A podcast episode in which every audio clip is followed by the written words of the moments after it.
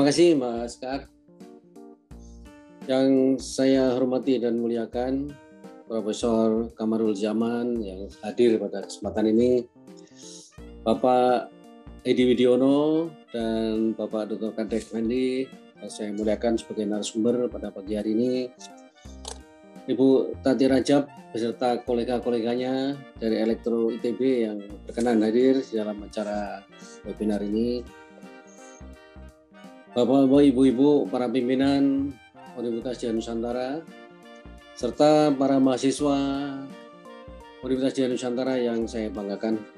Assalamualaikum warahmatullahi wabarakatuh. Waalaikumsalam warahmatullahi wabarakatuh. Salam sejahtera bagi kita semua dan selamat siang. Pertama-tama marilah kita panjatkan puji syukur kehadirat Allah Subhanahu wa taala. Tentu karena atas rahmat dan hidayahnya dalam suasana yang mencekam dengan menyebarnya virus COVID pada saat ini ya. Kita masih diberi umur panjang dan kesehatan sehingga masih bisa bersama-sama bergabung di sini walaupun dalam acara daring, tapi bisa bertatap muka langsung dengan Bapak Ibu sekalian. Pada kesempatan ini saya selaku rektor ingin menyampaikan terima kasih yang sebesar-besarnya atas kesediaan Pak Edi Widiono, mantan Dirut PLN pada waktu itu, dan Bapak Kadek Wendy yang sekarang juga dari PT PLN, yang nanti akan menjadi narasumber dengan tema kelistrikan dan energi terbarukan. Saya kira masa depan bangsa Indonesia dan bahkan seluruh dunia itu masa depannya di listrik ya. Energi semuanya nanti akan ke arah listrik. Bahkan dicanangkan di Eropa, di Amerika tahun 2030 mobil, motor itu semuanya harus pakai listrik. Bahan baku fosil sudah akan dilarang. Karena memang bahan baku fosil eh, di samping merusak lingkungan karena polusi udaranya juga ini menyebabkan emisi karbon dioksida dan pemanasan global yang semakin parah. Oleh karena itu betapa pentingnya masalah kelistrikan dan energi terbarukan ini dibahas pada webinar kali ini. Dan ini memang perkembangannya luar biasa nih listrik terutama dalam penggunaannya. Karena penggunaan terbesar uh, energi fosil juga kendaraan baik mobil, motor dan lain sebagainya. Itu luar biasa penggunaan energinya. Dan pada waktu sampai harganya menjadi sangat mahal minyak itu karena antara permintaan sebagai pengguna dengan supply yang tidak seimbang. Supply yang terbatas hanya dari berbagai negara, kemudian permintaannya dari seluruh negara di dunia. Sehingga harga menjadi sangat tinggi pada waktu itu.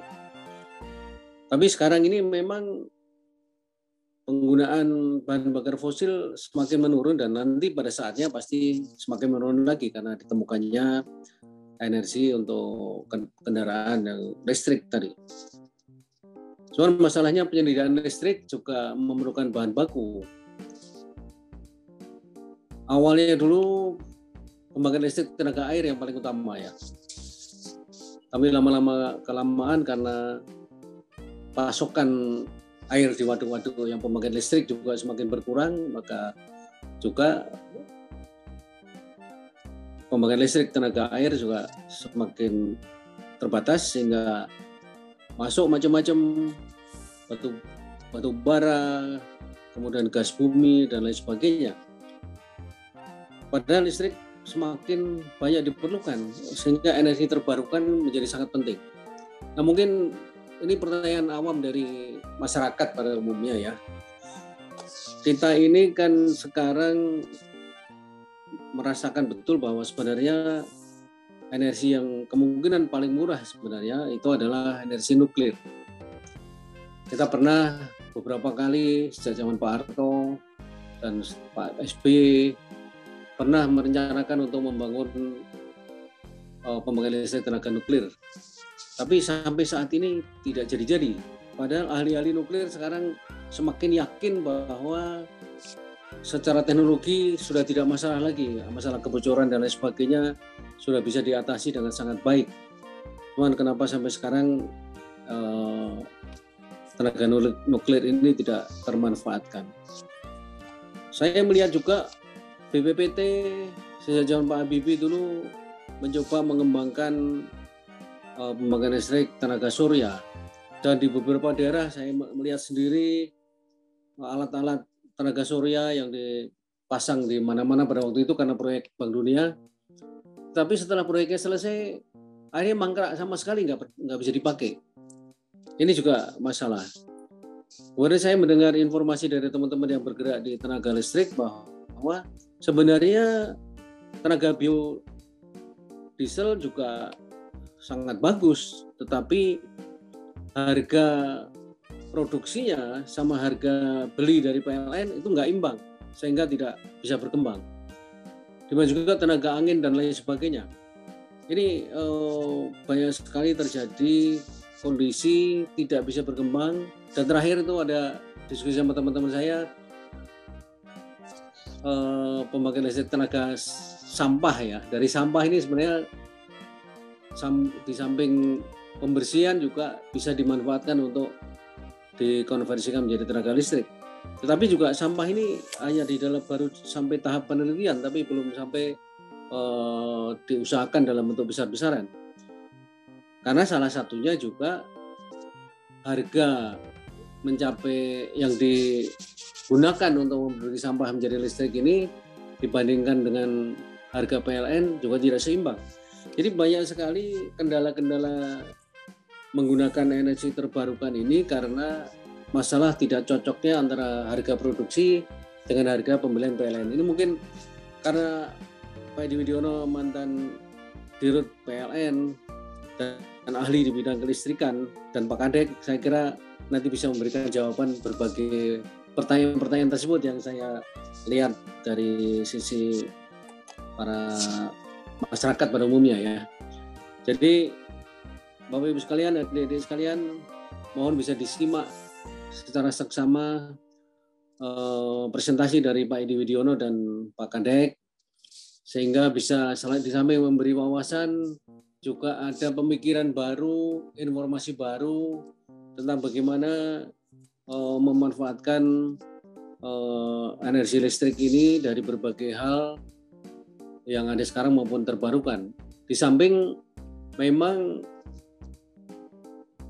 sejak zaman Pak SBY, Pak SBY sampai Pak Jokowi ini kan dicanangkan membangun berapa ratus ribu megawatt ya, berapa seribu megawatt yang ternyata banyak yang katanya terbengkalai. Nah ini juga mungkin Pak Widiono bisa Pak Edi Widiono bisa menyampaikan kenapa ini bisa terjadi dan yang bertanggung jawab siapa kalau sudah terbengkalai itu? Apakah menjadi uh, pemerintah sepenuhnya atau swasta yang mengembangkan dan lain sebagainya? Begitu banyak permasalahan yang ada di dalam pengembangan kelistrikan ini, sedangkan kebutuhan akan listrik semakin lama akan semakin besar dan nantinya terbesar dibandingkan yang lain-lain. Terima kasih sekali lagi dan selamat menikmati suguhan yang tentu sangat hidangan yang sangat lezat dari Pak Edi Widiono dan Pak Kadek tentang kelistrikan dan energi terbarukan. Terima kasih atas perhatiannya. Assalamualaikum warahmatullahi wabarakatuh.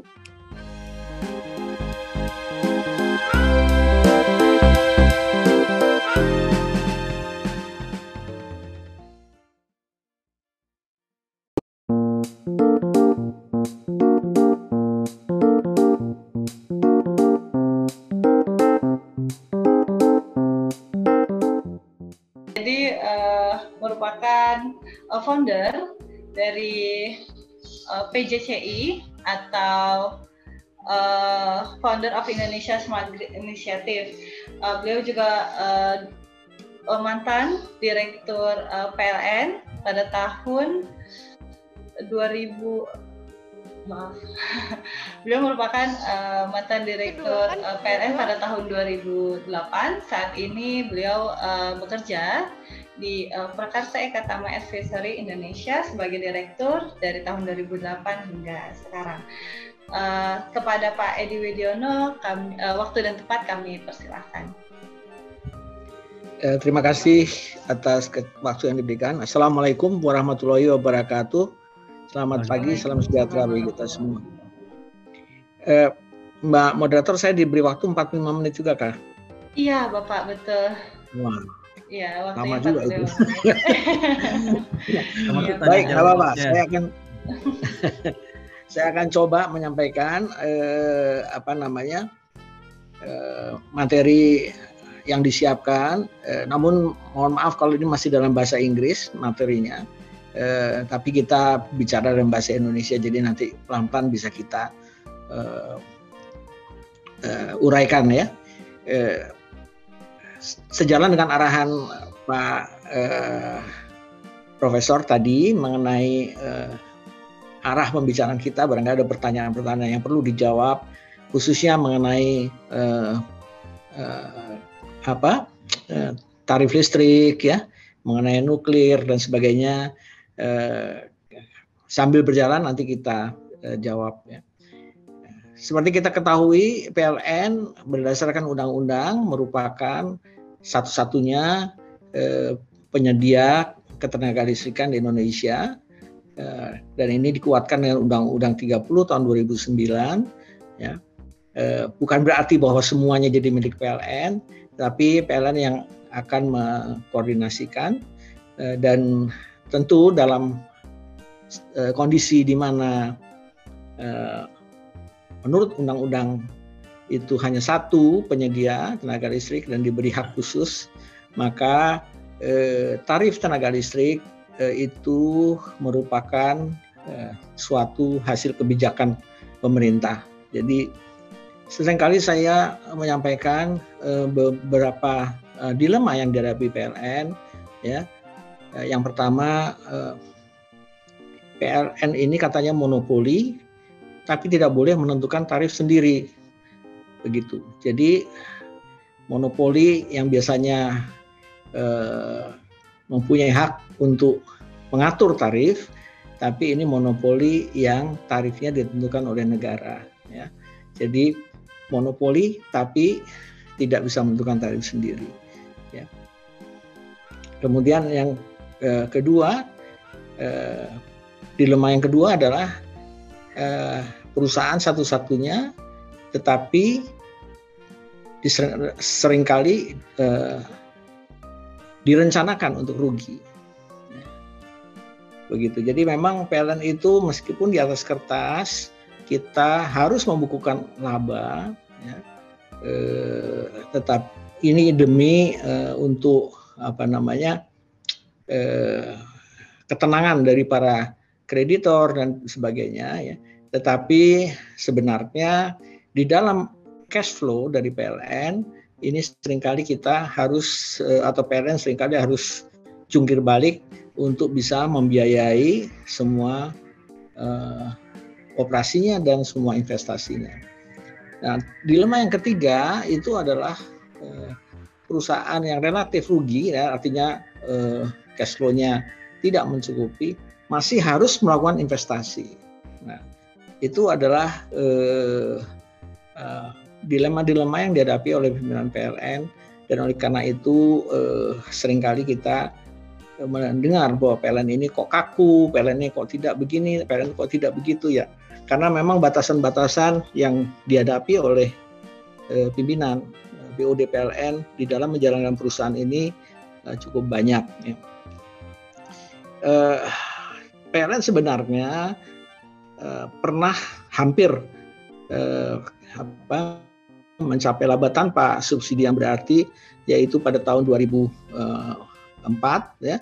Setelah kita berhasil uh, apa survive dari uh, yang kejadian uh, krisis ekonomi krisis krismon ya tahun 98 itu PLN sempat mengalami kerugian yang sangat besar 26 triliun di tahun 2000 uh, tetapi tahun 2004 kita sudah kembali bisa membukukan uh, uh, laba. Laba sebelum uh, pajak itu hampir 2 triliun pada waktu itu ya. Tetapi uh, karena masih ada hutang pajak dan sebagainya akhirnya masih dibukukan merah juga pada waktu tahun 2004 itu.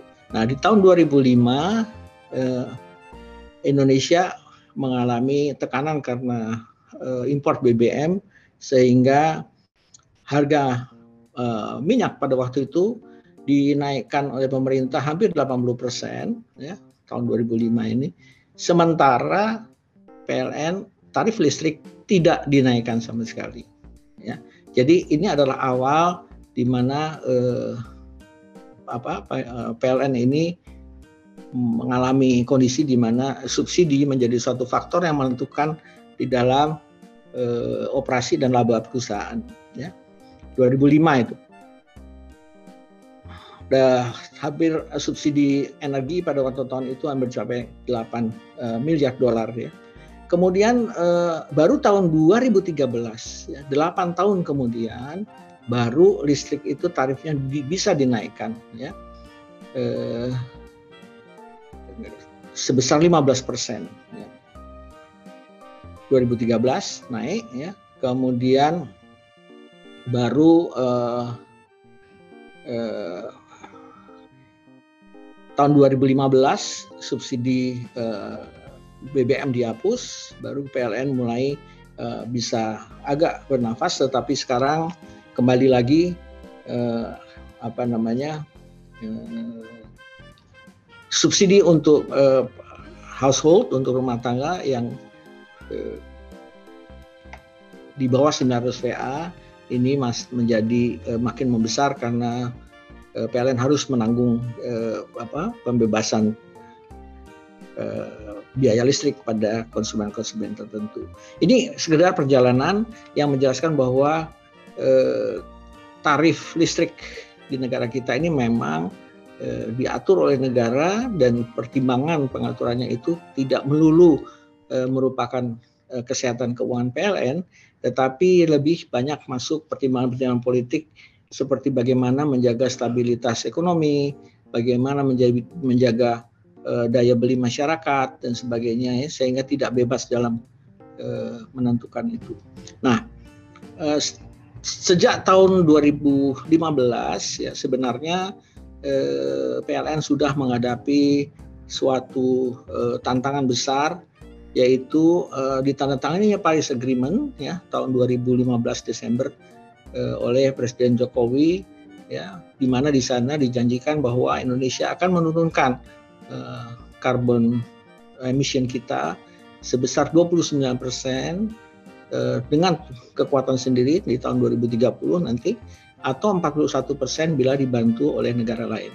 Nah, di dalam janji tersebut ya memang masuk uh, suatu uh, janji di sektor energi ya sektor energi kalau saya tidak salah itu uh, sumbangannya sekitar 34 persenan dari emisi uh, karbon uh, dan listrik dari uh, sektor energi tersebut mungkin uh, berkisar antara 23 sampai 30 persen uh, uh, sumbangannya. Jadi uh, di dalam janji kita ke Paris Agreement uh, memang uh, pemerintah menjanjikan uh, sesuai dengan kebijakan energi nasional bahwa di tahun 2025 nanti kita akan mencapai 23 persen uh, energi mix uh, renewable dalam energi mix kita uh, dan uh, tahun 3, 2030 mencapai 31 persen. Sasaran yang disampaikan itu sebenarnya adalah hasil telaahan kebijakan energi nasional tahun 2009. Jadi sebelum Paris Agreement dan uh, memang tidak ada suatu pemikiran pada waktu itu bahwa ini uh, diarahkan untuk mencapai suatu target uh, penurunan atau uh, pembatasan uh, kenaikan temperatur ya bumi tetapi lebih pada waktu itu diarahkan kepada pertimbangan bahwa kita harus mencapai sustainability dalam penyediaan listrik ya dan angka 23% itu uh, didasarkan kepada uh, rencana pemerintah yang pada waktu itu meluncurkan uh, fast track program 2 10.000 megawatt tahap 2 ya. Uh, kalau yang tahap 1 itu 10.000 megawatt itu hampir seluruhnya PLTU batubara maka uh, dan seluruhnya dimiliki oleh PLN maka fast track program 2 itu kerjasama PLN dengan swasta di mana 6.000 megawatt di antaranya itu adalah PLTA dan PLTP ya. Namun sayangnya program kedua ini ya eh, yang diluncurkan di era Pak eh, SBY eh, ini kelihatannya tidak berjalan dengan baik ya sehingga sampai akhir tahun kemarin kami hanya mencatat bahwa tidak sampai 2000 megawatt dari 6000 megawatt PLTA dan PLTP yang eh, apa yang terbangun ya. Nah, eh, dengan tidak terbangunnya eh, sebagian besar itu, maka target 23 persen 2025 tadi eh, menjadi eh, suatu problem yang sulit ya dihadapi. Tolong kembali kepada slide yang sebelum ini. Jadi eh, itulah problem yang dihadapi oleh kelistrikan nasional eh, pada eh, tahun 2020 ke sini ini selain eh, masalah dekarbonisasi ya kita semua tahu bahwa dekarbonisasi ini kalau tadinya menggunakan PLT dan PLTP eh, yang notabene hampir sama dengan konvensional power plant eh, karena waktu mendesak maka kita terpaksa harus mempertimbangkan mengambil eh, pembangkit listrik tenaga surya dan pembangkit listrik tenaga angin. Nah, dua jenis pembangkit ini seperti dua di negara-negara lain yang merupakan uh, ujung tombak dari proses dekarbonisasi ini mempunyai karakter bahwa mereka ini uh, intermittent. Jadi sering kali berubah sejalan dengan uh, pergerakan awan, misalnya kalau awan lewat di atas solar panel, maka otomatis solar panelnya outputnya turun ya. Dan ini kalau berlangsung dalam jumlah besar tentu mempengaruhi sistem kelistrikan kita. Oleh karena itu eh, eh, dekarbonisasi tadi membutuhkan suatu proses mencerdaskan jaringan yang kita sebut sebagai digitalisasi. Ya, jadi eh, itu tantangan kedua. Kalau tantangan pertama adalah dekarbonisasi, tantangan kedua adalah digitalisasi. Sistem ketenaga listrikan kita perlu uh, bisa lebih fleksibel menghadapi perubahan-perubahan baik di sisi di sisi pembangkitan maupun di sisi uh, konsumen. Ya. Nah, uh, karena juga dekarbonisasi membutuhkan renewables dan renewable itu uh, uh, sumber yang paling dekat adalah matahari dan angin.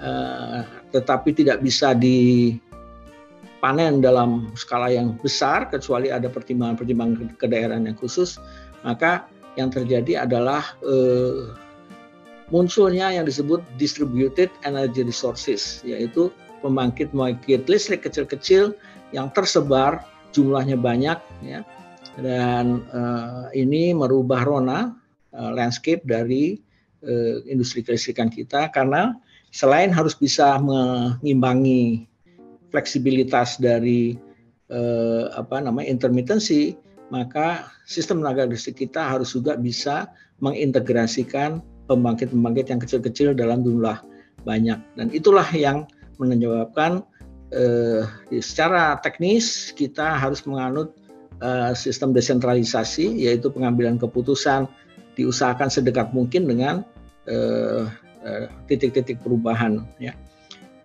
Nah, di sini demo, desentralisasi dinyatakan juga sebagai demokratisasi ya dari energi.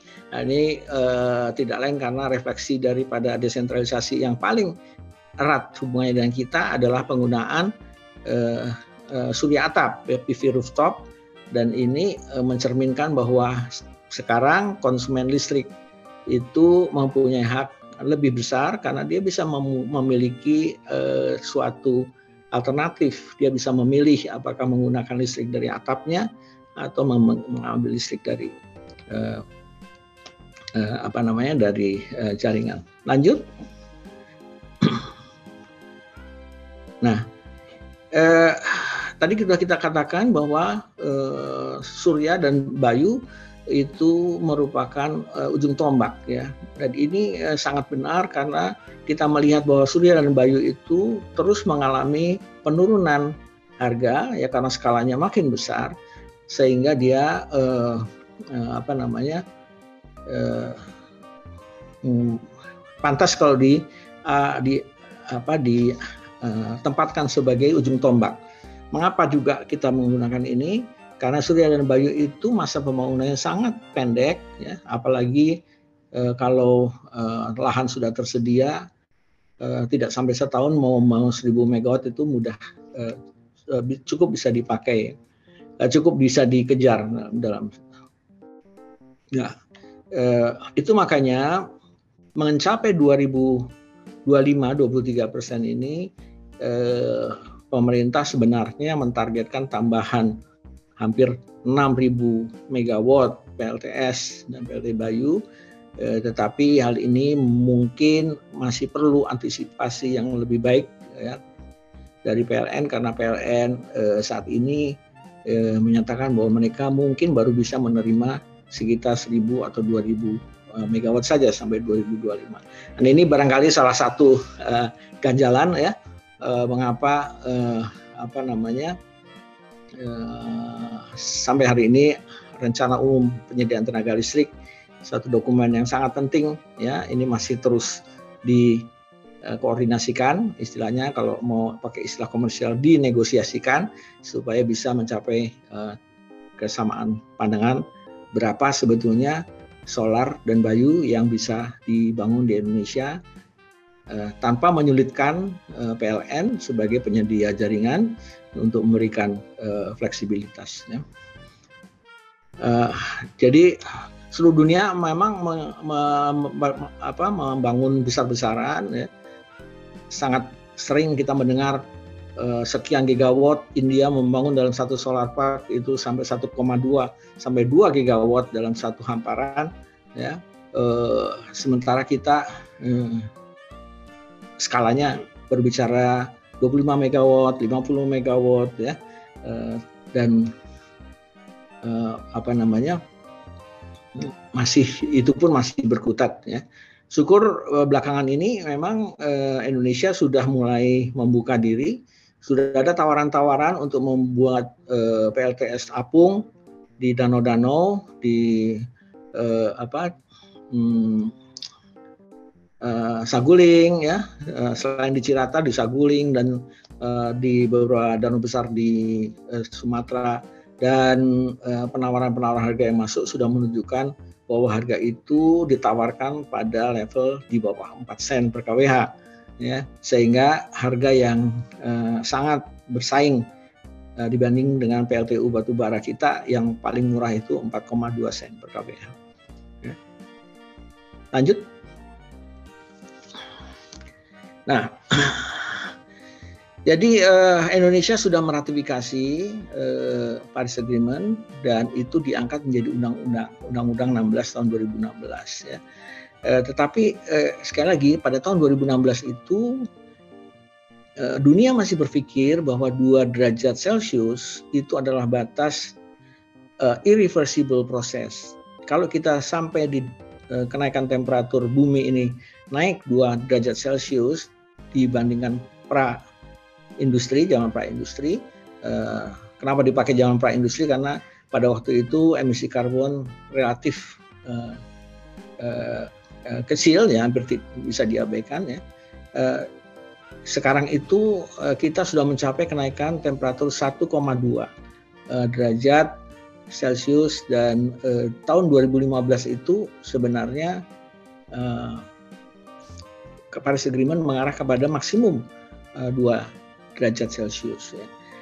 Tetapi uh, kondisi ini berubah ya secara politis pada waktu uh, Presiden Trump uh, menyatakan keluar dari Paris Agreement ya, maka timbul kekhawatiran bahwa Amerika uh, barangkali akan menyumbang lebih banyak uh, emisi karbon oleh karena itu Eropa bersatu membuat apa yang mereka katakan sebagai EU Green Deal European Union Green Deal uh, dan mulai me, meluncurkan suatu wacana bahwa temperatur bumi itu sebenarnya tidak boleh lebih naik lebih dari satu setengah derajat Celcius ya. Mereka itu untuk bisa mencapai satu setengah derajat Celcius maksimum maka uh, Eropa menyatakan bahwa uh, net uh, carbon emission ya net zero carbon emission di tahun 2050 dan nah ini yang uh, 2030 adalah puncak ya selamat-lambatnya puncak dari eh, penambahan eh, penggunaan energi eh, eh, fosil. Nah, eh, ini tentu eh, berat bagi negara-negara seperti Indonesia, ya. Sehingga meskipun ini di di apa di eh, tayangan ini terlihat bahwa eh, eh apa namanya eh, Indonesia eh, yang cukup uh, besar anunya uh, share uh, total electric productionnya ya kita itu mungkin hampir uh, kalau dunia itu kira-kira uh, sekarang adalah uh, 20 miliar kWh ya uh, per tahun ya maaf uh, bukan 20 20 triliun KWH ya. Eh, Indonesia sekarang itu uh, mencapai 300 uh, eh, miliar KWH ya setahun. Jadi kita uh, berada pada level sekitar uh, hampir 10% dari uh, emisi uh, production dunia. Ya.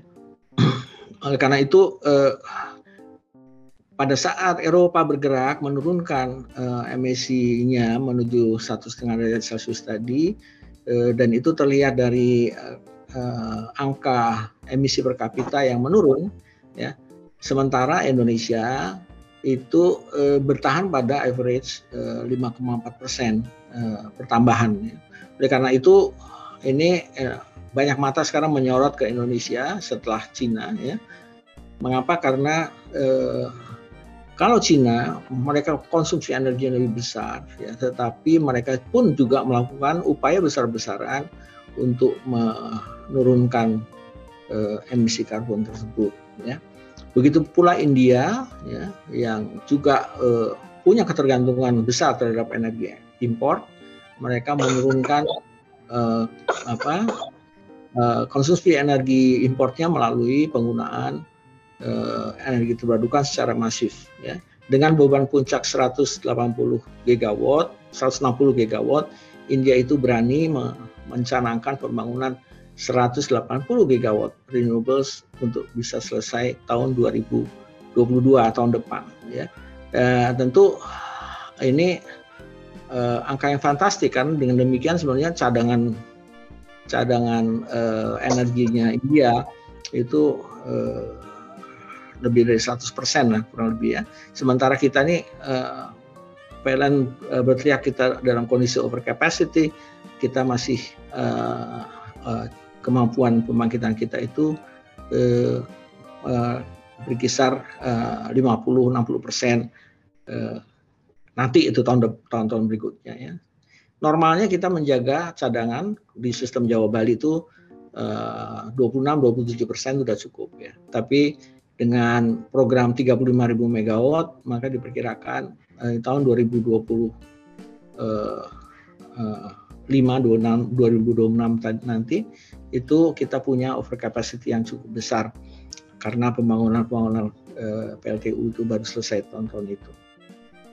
Nah, eh, dikatakan bahwa Indonesia itu untuk bisa mencapai eh, target eh, eh, yang Eh, net zero emission pada tahun 2050 ya seperti juga negara-negara lain maka kita membutuhkan kenaikan eh, energi terbarukan 50 eh, menjadi 50 sampai 85 share persen share di tahun 2030 padahal eh, ken kita baru 31 persen saja. Nah, ini merupakan suatu tantangan eh, yang harus dihadapi oleh Indonesia ke depan. Lanjut. Nah, uh, ini ada suatu transition readiness framework ya. Bagaimana kita mengkaji eh, apakah Indonesia itu eh, siap atau tidak sih sebetulnya eh, eh, menghadapi transisi ini ya. Eh, ada framework besar TRF yang dibangun oleh IASR ya dikaji apakah political dan regulatorinya sudah cukup mendukung atau tidak ya apakah investment dan finance-nya juga tersedia atau tidak ya apakah uh, teknoekonomis ya uh, for system planning uh, uh, competitiveness dari renewable energy itu juga sudah ada dan apakah secara sosial masyarakat itu aware sadar dan menerima uh, dampak atau uh, upaya uh, transisi energi tersebut. Nah, uh, dalam uh, skala uh, transition readiness ya Indonesia itu berada di peringkat 67 sayangnya tahun 2019 ya kalau nggak salah. Itu angka terakhir yang saya tahu. 67 dari 112 negara dunia.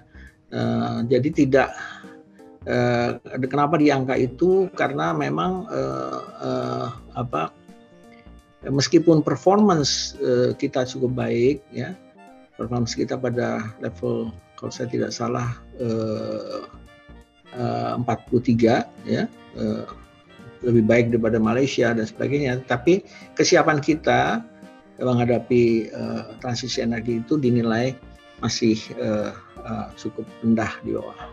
Lanjut. Nah, ini ada statement bahwa power sector is the low hanging fruit in Indonesia energy transition. Ya. Jadi kalau kita memandang energi uh, transisi energi itu sebagai suatu uh, beban, ya, uh, apalagi kalau kita berpikir bahwa ini kan gara-gara negara-negara lain, negara-negara Barat uh, itu dulu uh, yang mulai dengan revolusi industri kan mereka gitu. Kenapa sekarang kita yang jadi susah ya? Kalau kita melihat ini sebagai beban, ya ini tentu akan membuat kaki kita berat untuk melangkah di dalam uh, transisi. Tapi coba dilihat uh, uh, apa namanya transisi energi dengan kebutuhan yang demikian besar untuk membangun energi terbarukan ini sebagai suatu peluang. Ya. Jadi kami ingin menyampaikan bahwa eh, kalau kita melihat ini sebagai peluang, kenapa ini suatu peluang? Ya, karena seluruh dunia itu sangat mengharapkan Indonesia bisa eh, eh mencapai target anunya. Ya. Karena kalau kita kalau Indonesia tidak mencapai, maka mereka juga akan eh, terpengaruh. Ini kan eh, apa namanya atmosfer ini satu, ya. jadi mereka sangat berharap Indonesia itu eh, bisa mencapainya. Nah, di tengah masa pandemi seperti ini, ya, di tengah masa pandemi seperti ini, hampir semua negara di dunia anggaran belanjanya difokuskan untuk mengatasi pandemi. Oleh karena itu tidak banyak negara-negara yang bisa mengulurkan tangan bagi Indonesia. Tetapi pada saat yang bersamaan ya negara-negara dunia juga pertumbuhannya menjadi negatif karena pandemi sehingga tidak ada eh, atau tidak cukup ada eh, proyek-proyek investasi yang menarik dan bisa menjamin pengembalian investasi bagi, bagi para investor eh, swasta ya. Nah, Indonesia dalam posisi eh, mengejar eh, apa peringkat eh, kelima dari eh, ekonomi dunia ini menjadi perhatian bagi para eh, apa para bagi para pendana swasta ya khususnya dari dana-dana yang sekarang ini parkir dan menunggu mencari proyek yang bisa hmm, apa memberikan keuntungan bagi mereka ya satu ilustrasi misalnya seperti ini eh, dana-dana yang terparkir di Singapura misalnya itu dana-dana termasuk konglomerat kita yang parkir di Singapura itu kalau disimpan di bank mereka hanya bisa mendapatkan uh, bunga satu persen setahun ya. Nah, bayangkan kalau kita di Indonesia mempunyai suatu proyek ya yang menjanjikan bahwa apa returnnya uh, double digit ya 11-12 persen tentu mereka dengan senang hati mengeluarkan uang itu dari uh, deposito di bank-banknya dan masuk ke proyek-proyek di Indonesia ya karena memberikan keuntungan bagi uh, mereka yang cukup baik ya tentu ini angka yang harus kita uh, apa pilah-pilah ya. ya. Namun demikian proyek yang baik itu membutuhkan uh, risiko investasi yang rendah dan oleh karenanya harus dalam uh, format yang uh, setidak-tidaknya uh, nyaman ya. Kalau risikonya tinggi maka apa para pemilik modal akan berpikir bahwa bunga yang tersedia tidak cukup untuk menutup risiko. Mereka akan berusaha menaikkan bunganya atau returnnya ya supaya bisa menutup risiko tersebut. Oleh karena itu uh, kesempatan yang terbaik dengan uh, di saat pandemi ini sebenarnya kalau Indonesia bisa uh, bersatu baik pemerintah dan masyarakatnya embracing mendukung transisi energi dan membuka peluang bagi investasi skala besar untuk bisa masuk di Indonesia. Nanti kita bahas apa yang sebetulnya dibutuhkan investasi skala besar. Lanjut. Lanjut. Nah, uh, pemerintah sudah berusaha atau merencanakan untuk mengakselerate uh, pembangunan PLTS ya. Uh, RUN mentargetkan 6,5 gigawatt tahun 2025 ya tetapi memang uh, in, angka ini adalah angka yang didasarkan pada pertumbuhan ekonomi eh, 6 persen ya kalau saya tidak salah ya, yang sudah tidak eh, sesuai dengan keadaan karena eh, apa namanya hmm, memang pertumbuhan ekonomi kita agak melambat kemarin-kemarin ini sehingga perlu direvisi. Jadi angka enam setengah gigawatt ini eh, eh, di, di, di katakanlah uh, di rasionalisasi ya sekarang sekitar angkanya 5, sekian gigawatt saja yang dari pemerintah ini terbagi atas beberapa proyek uh, yang tertulis di uh, slide ini. Yang uh, agak menarik sebetulnya adalah uh, substation of diesel power plant dengan solar power plant targetnya 1,2 gigawatt sampai tahun 2035 ya pada target price 10,7 dolar per kWh, sen dolar per kWh. Ini program yang yang yang luar biasa dan uh, patut kita uh, cermati dengan baik ya, karena uh, uh, ini menyangkut pembangkit-pembangkit listrik dalam jumlah yang sangat besar. Program PLN untuk 200 megawatt saja, jadi seperenam dari ini, itu uh, sudah luar biasa, uh, mungkin ratusan uh, jumlah PLTD-nya, ya. Dan saya membaca uh, buku khusus mengenai uh, 200 megawatt tadi, itu bukunya ya tebalnya 1025 halaman begitu ya. Dan memang setiap lokasi PLTD ini uh, akan mempunyai karakter uh, yang berbeda satu dengan yang lain. Oleh karena itu kita tidak bisa eh, membangun ganti PLTD dengan solar, PV dan baterai, kemudian tambah microgrid eh, dan di roll out begitu saja nggak. Ini ini nggak nggak nggak akan jalan ya. Jadi yang perlu memang perlu dan uh, dipelototi satu demi satu dan saya kira ini peluang bagi kawan-kawan di Undira nanti ya untuk uh, bisa memfokuskan perhatiannya kepada eh, eh, pembangunan ini ya, sambil mereguk pengalaman ya eh, menggunakan berbagai aplikasi misalnya seperti eh, aplikasi Homer atau aplikasi PVSys ya untuk menghitung eh, eh, optimasi eh, apa hmm, pembangkit listrik ya. Bahkan uh, kalau bisa mau menghitung nanti uh, dampaknya terhadap sistem kalau dia tergabung pada on uh, pada grid ya nanti ada program-program aplikasi yang sekarang digunakan PLN seperti Dick Silent atau Plexos ya yang lebih canggih lagi uh, dan ini semua membutuhkan uh, kemampuan uh, banyak pihak untuk uh, bisa melihat uh, situasi ini ke depan. untuk utility scale uh, solar development uh, pemerintah saat ini mencanangkan beberapa proyek besar seperti PLTS di bendungan, PLTS di atas uh, lahan uh, tambang batu bara yang sekarang ini kebanyakan berupa telaga dan sebagainya ya dan uh, PJCI uh, sebetulnya melawan suatu program yang sekarang uh, sudah sampai ke pemerintah membangun uh, PLTS Gigafarm, menyebutnya Gigafarm karena memang ini ukurannya gigawatt ya, di Sumba ya, uh, dan proses ini berjalan sudah cukup maju.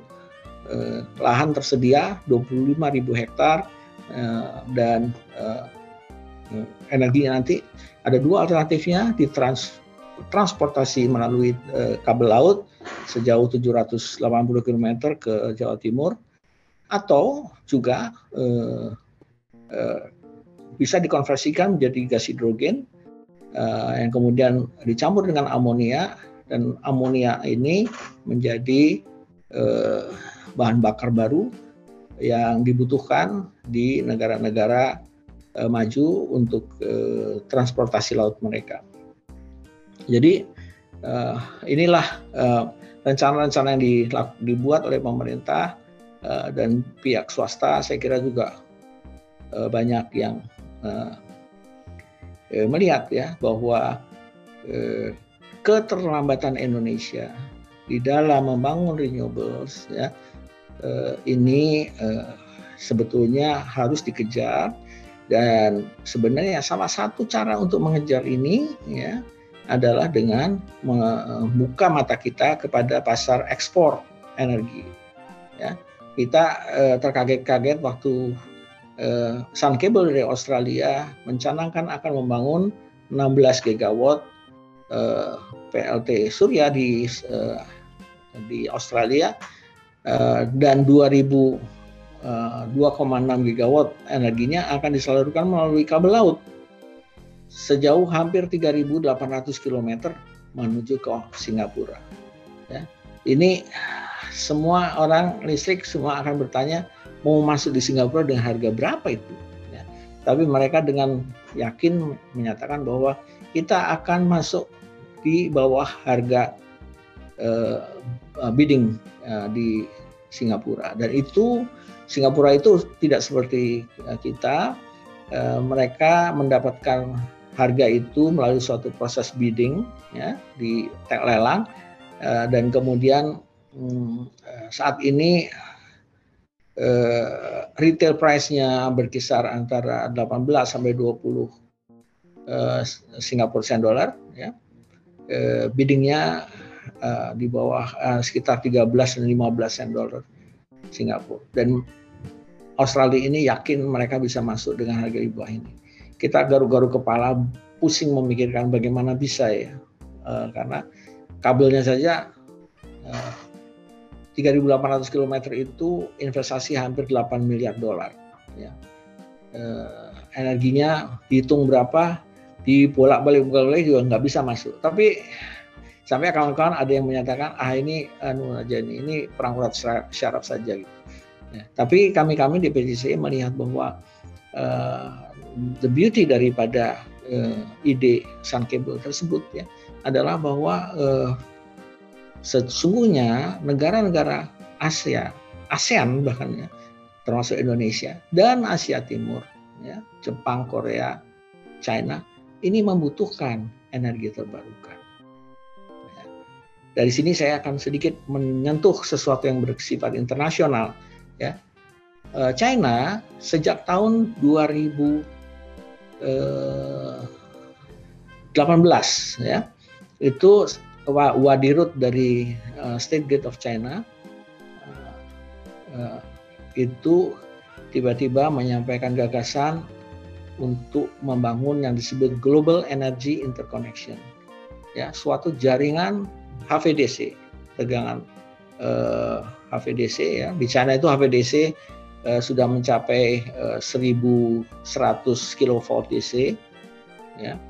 Nah, dan mereka mempunyai jaringan uh, transmisi dari Mongolia Utara sampai ke Shanghai yang hampir 3000 km uh, melalui uh, sistem uh, converter inverter ya. Jadi jaringan DC dan China dengan uh, menguasai penguasaannya atas teknologi HVDC sampai 1100 uh, kV dan HVAC sampai 1000 kV itu mempunyai keyakinan bahwa uh, sekarang ini uh, transmisi global itu sudah uh, bisa diperhitungkan sebagai uh, suatu solusi.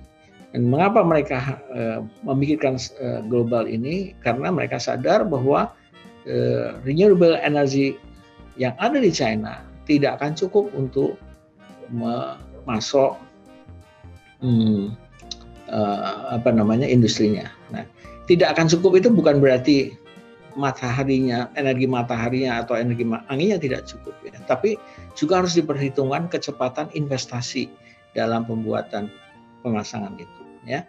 Dan kalau kita menoleh dari China eh, ke Inggris misalnya, Inggris yang punya kapasitas 1000 eh, 100 eh, gigawatt pembangkitannya itu hari-hari ini menyatakan bahwa mereka akan menambah jaringan interkoneksinya yang sekarang itu baru berkisar kapasitasnya 5 gigawatt menjadi 17 gigawatt pada tahun 2030 Mengapa mereka melakukan itu? Karena mereka menyadari bahwa sumber energi terbarukannya mereka di Laut Utara uh, dalam bentuk angin ya ini uh, tidak akan cukup cepat dibangun untuk uh, menghadapi uh, decommissioning dari uh, PLTU batubara, pembangkit fosil dan pembangkit nuklir uh, mereka yang sudah kadaluarsa yang pada tahun 2030 nanti akan mencapai uh, hampir 25 uh, eh, ribu megawatt ya.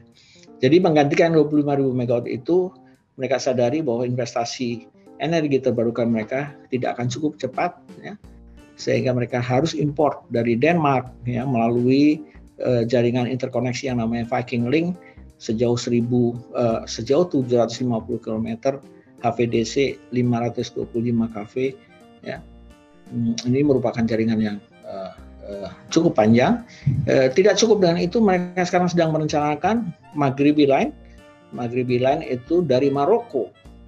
Dari Maroko uh, akan ditarik ke uh, Inggris, ke apa uh, pulau uh, kepulauan Inggris ya untuk bisa uh, juga menambah uh, renewables. Jadi uh, dunia sudah melihat bahwa interkoneksi antar negara ini sangat diperlukan.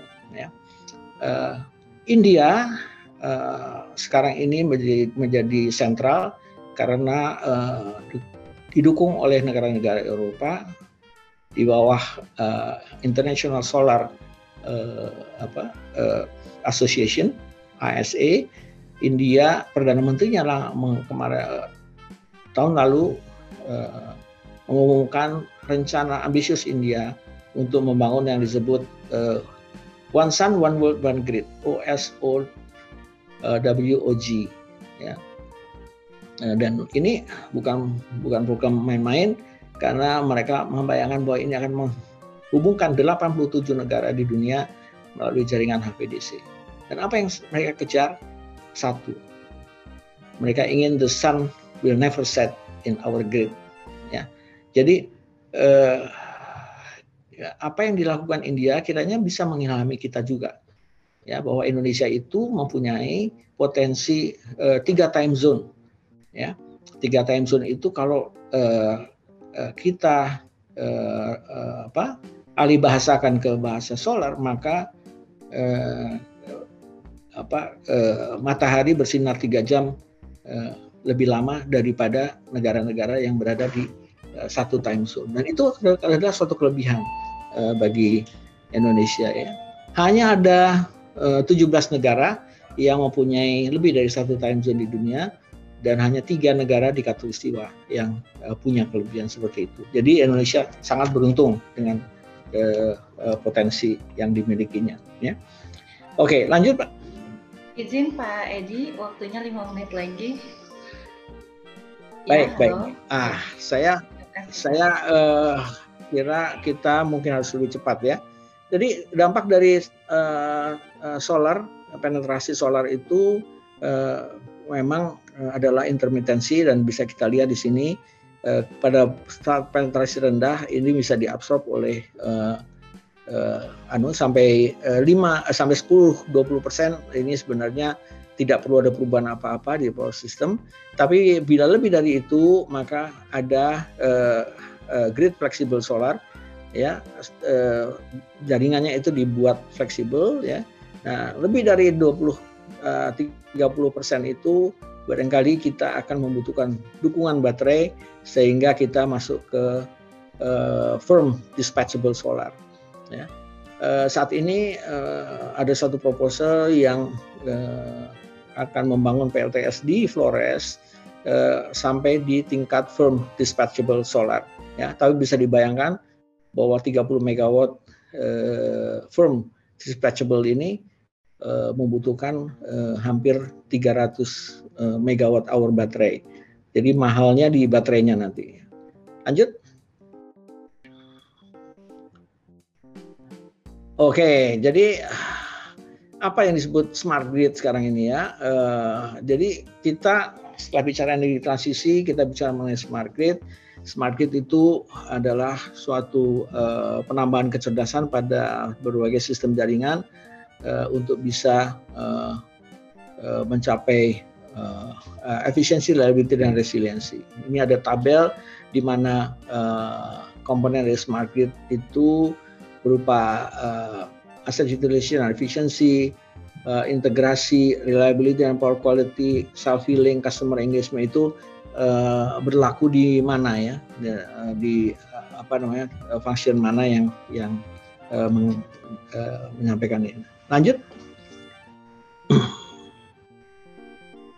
ah, jadi uh, smart grid adalah enabler dari energy transition itu itu ada sesuatu yang uh, yang uh, memang ada di kepala kami di, pada waktu kita mendirikan Smart Grid Indonesia Initiative. Lanjut. Nah, uh, selebihnya mungkin uh, sangat teknis. Uh, apa definisi dari smart grid ya? uh, terus uh, apa yang dibangun dirangkai oleh mereka ya dan uh, boleh dilanjutkan lagi slide-nya lanjut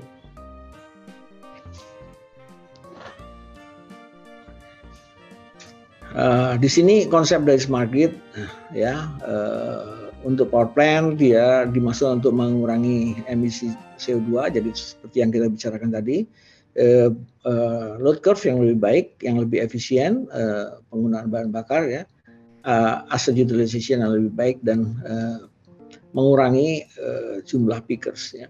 Di transmisi uh, ada apa namanya uh, sasaran untuk untuk uh, reduce outages ya. Dan itu ada teknologi-teknologinya di bawah uh, wide area monitoring control itu sekarang ini ada peralatan baru yang namanya eh, PMU Facial Measurement Unit yang bisa memantau sudut antara arus dan tegangan pada suatu titik ya sehingga sudut ini uh, apa namanya menggambarkan stabilitas dari uh, sistemnya kalau dia melalui suatu uh, angka yang uh, besar ya uh, maka eh, stabilitas akan terganggu karena sistem akan melihat bahwa seolah-olah terjadi hubung singkat di eh, titik tersebut. Ya. Nah, dulu pada waktu saya masih kuliah untuk menentukan eh, eh, tangan ini ya sudut fasa ini kita memerlukan program komputer dua hari marahnya ya. Sekarang eh, dengan kemajuan teknologi itu bisa didapat eh, near instant, hampir instantaneous. Eh, sehingga kalau ini digabungkan dalam suatu uh, integrated uh, uh, uh, data system, kita bisa melihat dan meramalkan apa yang terjadi uh, beberapa saat ke depan. Gitu. Kalau uh, uh, uh, sudut fasa ini bergerak makin melebar dengan kecepatan tertentu, maka kita bisa tahu berapa saat lagi ini akan trip uh, transmisi tersebut. Ya. Ini uh, memang uh, salah satu tonggak dari uh, smart grid ya di dalam uh, yang cukup uh, teknologi smart grid yang cukup uh, maju. Terus ada juga information communication technology serta energy storage technology yang terus berkembang. Lanjut. Uh, ini gambaran yang yang uh, uh, mengenai infrastruktur yang uh, ada uh, yang apa namanya uh, smart grid infrastructure bisa dilihat buat area monitoring sebelah kiri ada HVDC. Ya, sebenarnya uh, ada konsep yang menyatakan bahwa uh, interkoneksi itu bukan smart grid, itu adalah uh, hardening the grid, memperkuat grid. Jadi urutannya memang hardening the grid, smarting the grid, and then greening the grid. Yang ketiga itu adalah greening the grid, itu menghijaukan ya uh, grid tersebut dalam artian bahwa dia cukup fleksibel untuk uh, selanjutnya bisa uh, apa namanya uh, uh, mengatasi berbagai tantangan-tantangan uh, perubahan dari baik dari sisi pembuat maupun dari sisi pembangkitan. Lanjut. Ini uh, oke, okay, ini inovasi-inovasi yang ada ya. Uh, termasuk di dalamnya sistem kontrol uh, advanced control system untuk uh, pengendali sistem ya uh, yang terus harus diperbaiki supaya respons daripada sistem kontrol yang mengatur pembangkitan itu uh, bisa lebih baik. Ya. Saat ini PLN sedang berusaha mengupgrade uh, sistem kontrol di Jawa uh, Bali ya sehingga sampai setara dengan yang di Sulawesi Selatan. Ya. Ternyata Sulawesi Selatan lebih canggih uh, anunya sistem kontrolnya karena menghadapi tantangan uh, intermitensi dari uh, PLT B Sidrap ya dan itu sekarang diadop untuk di uh, apa diterapkan di uh, Jawa uh, Bali. Nah, di sisi distribusi lanjut ya. Lanjut. Di sisi distribusi yang berwarna hijau tua itu adalah yang normalnya dilakukan oleh PLN distribusi uh, untuk membuat rencana, load forecasting, system analysis, interconnection dan distribution investment plan. Nah, dengan uh, masuknya renewables itu uh, satu fenomena baru harus dimasukkan dihitung yang disebut the distributed energy resources forecast ya menambah load forecast dan pada waktu sistem analysis ada tambahan tugas yaitu yang disebut hosting capacity analysis. Hosting capacity analysis itu menghitung uh, berapa kuat sih sebenarnya jaringan uh, tegangan menengah dan tegangan rendah kita bila ditambahi dengan uh, PV rooftop ya. Eh, dan kalau itu ternyata menyebabkan uh, deviasi dari uh, standar layanan, maka dibuat yang disebut cara-cara yang disebut non-wire uh, suitability criteria. Saya kira uh, selanjutnya ini masih uh, ada beberapa hal uh, khususnya untuk smart grid yang uh, bisa dilanjutkan. Selanjutnya yang kita scroll saja ya. Uh, Waktunya sudah habis Pak. Waktu sudah habis ya. Uh, ini tadi grid hardening, grid uh, dan uh, grid flexibility uh, bisa diteruskan uh, dibaca ke depan. Jadi sebagai uh, kesimpulan sebenarnya adalah bahwa uh, tadi uh, transisi energi adalah suatu keharusan uh, yang harus dilakukan oleh bangsa kita Eh, suka atau tidak suka eh, bersama bangsa lain kita harus melakukan hal ini. Apabila kita tidak melakukan, eh, sudah bisa dibayangkan bahwa akan ada sanksi-sanksi yang diterapkan dan itu tidak kepada penyedia energi sayangnya, tetapi lebih kepada mereka yang menggunakan energi itu di Indonesia, yaitu kalangan industri yang mungkin akan kena border tax pada waktu mereka menjual ke uh, luar negeri. Nah, yang kedua bahwa uh, transisi energi itu akan membutuhkan digitalisasi di sektor pengelisikan dan uh, yang ketiga uh, tentunya adalah uh, dengan uh, semakin banyaknya uh, uh, pembangkit energi terbarukan maka desentralisasi menjadi satu keharusan. Uh, dan ini tentu ujungnya adalah suatu pertanyaan apakah struktur dari sistem tenaga listrik kita yang selama ini kita anut monopoli ini eh, perlu disesuaikan eh, atau tidak dengan perkembangan eh, ini semua. Dan itu berpulang pada eh, eh, kebijakan politik karena banyak argumentasi yang harus dipertimbangkan dalam proses perubahan struktur ketenagalistrikan kita. Terima kasih. Wabillahi taufiq. Wassalamualaikum warahmatullahi wabarakatuh.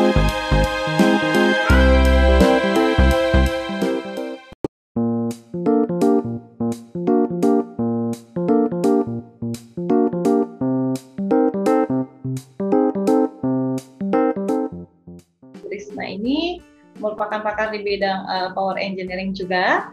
Beliau lulusan dari Institut Teknologi Bandung dan Tokai University uh, Tokyo, Jepang.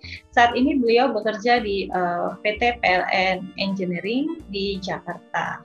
Baik, uh, untuk Pak Kadek, uh, waktu dan tempat kami persilahkan. Uh, durasinya 45 menit, Pak. Ya, makasih. Ya, sama Pak. Ya, makasih, Mbak. Uh, saya izin untuk share screen ya Mbak ya. Uh, share screen bisa dilakukan oleh tim kami Pak. Iya. Oh ya, baik. Ah, ya. Udah nih. Oh sudah, oh ya.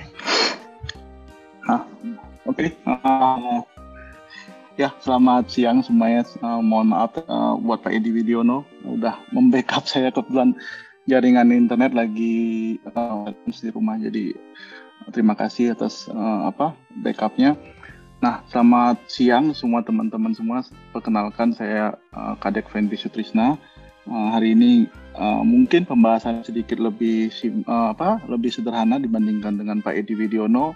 Saya mencoba untuk mengangkat topik tentang pembangkit listrik tenaga surya.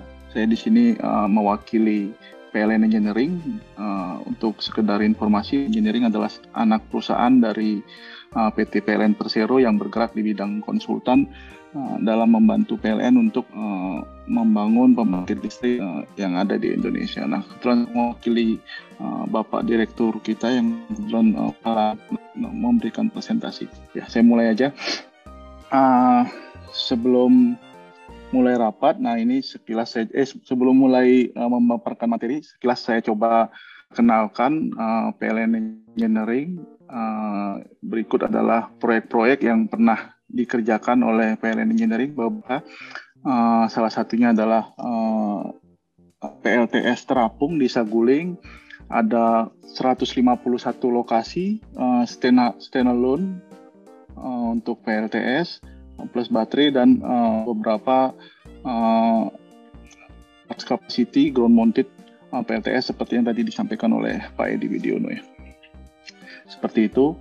Untuk apa lingkup pekerjaan dari PLN sendiri kita uh, full support untuk engineering dari pembuatan uh, dokumen studi kelayakan uh, sampai dengan pembuatan dokumen lelang, supervisi sampai dengan supervisi konstruksi sehingga uh, pembangkit dapat uh, beroperasi sesuai dengan uh, standar spesifikasi yang diinginkan oleh PLN seperti itu. Ah, kita di tentang PLN Engineering, saya coba untuk mulai untuk membahas tentang sistem PLTS. Uh, secara sederhana, uh, PLTS itu yang kita ketahui dibagi menjadi dua ya, uh, sistem AC coupling, yang kedua sistem DC coupling. Nah, apa itu yang membedakan? Nah, seperti terlihat pada layar, sistem AC coupling adalah menghubungkan rangkaian uh, di mana modul surya dan baterai pada sisi AC busbar. Nah, ini kuncinya melalui uh, main equipment uh, baterai inverter dan baterai inverter dan grid inverter. Nah, sedangkan DC coupling adalah uh, menghubungkan sistem panel modul PV dengan sistem baterai pada sisi DC uh, melalui uh, solar charge controller dan uh, inverter uh, bidirectional inverter. Nah di sini secara theoretically uh, uh, sistem DC coupling ke efisiensi yang lebih tinggi. Uh, karena uh, untuk mengecas baterai uh, hanya melewati satu komponen utama. Sedangkan di AC coupling untuk mengecas baterai dari PV lewat device utama. Jadi secara theoretically DC coupling memiliki efisiensi yang tinggi, namun uh, di lapangan uh, sistem yang banyak diinstal adalah sistem AC coupling. Secara sederhana kenapa alasannya uh, lebih banyak AC coupling karena brand uh, yang sudah masa uh, terinstalasi dan dapat terpercaya saat ini banyak support uh, AC coupling. Nah, ini uh, apa? Uh, berikan contoh uh, apa salah satu project off grid solar PV system di 151 lokasi di Papua. Kita menggunakan uh, kebetulan uh, pemenang lelang itu menggunakan brand SMA uh, dengan sistem seperti ini. Nah, secara prinsip prinsip ada lima tipe PLTS. Pertama standalone off grid, uh, terhybrid dengan baterai. Yang kedua terkoneksi dengan genset, beroperasi dengan baterai maupun tanpa baterai. Yang ketiga atau yang keempat uh, PLTS terkoneksi dengan grid PLN, uh, bisa dengan baterai atau uh, baterai sebagai smoothing kira-kira seperti itu. Nah ini contoh yang menggunakan off grid. Kita lihat ada PV, ada solar inverter, ada baterai, ada bidirect inverter. Nah, kelemahannya untuk produk SMA itu kita harus menggunakan multi cluster box sebagai sistem kontrol untuk memparalel genset, baterai, dan PV sebelum disuplai ke beban baterai seperti itu. Sedangkan uh, konfigurasi yang lain adalah uh, PLTS terkoneksi dengan jaringan PLN. Nah, tujuan dari uh, uh, PLTS ini adalah untuk memanfaatkan daya menghasilkan energi terbarukan uh, sehingga dapat menurunkan BPP listrik setempat. Artinya uh, kita mengurangi ketergantungan terhadap bahan bakar fosil. Nah, apabila menggunakan lebih cenderung berfungsi sebagai ah, nih apabila menggunakan baterai sistem ini lebih cenderung berfungsi sebagai smoothing pada PLTS bekerja intermittent untuk membuat uh, jaringan lebih kuat dalam menghadapi uh, intermittent PLTS. Nah ini on grid sistemnya uh, belum tampak ya di layar.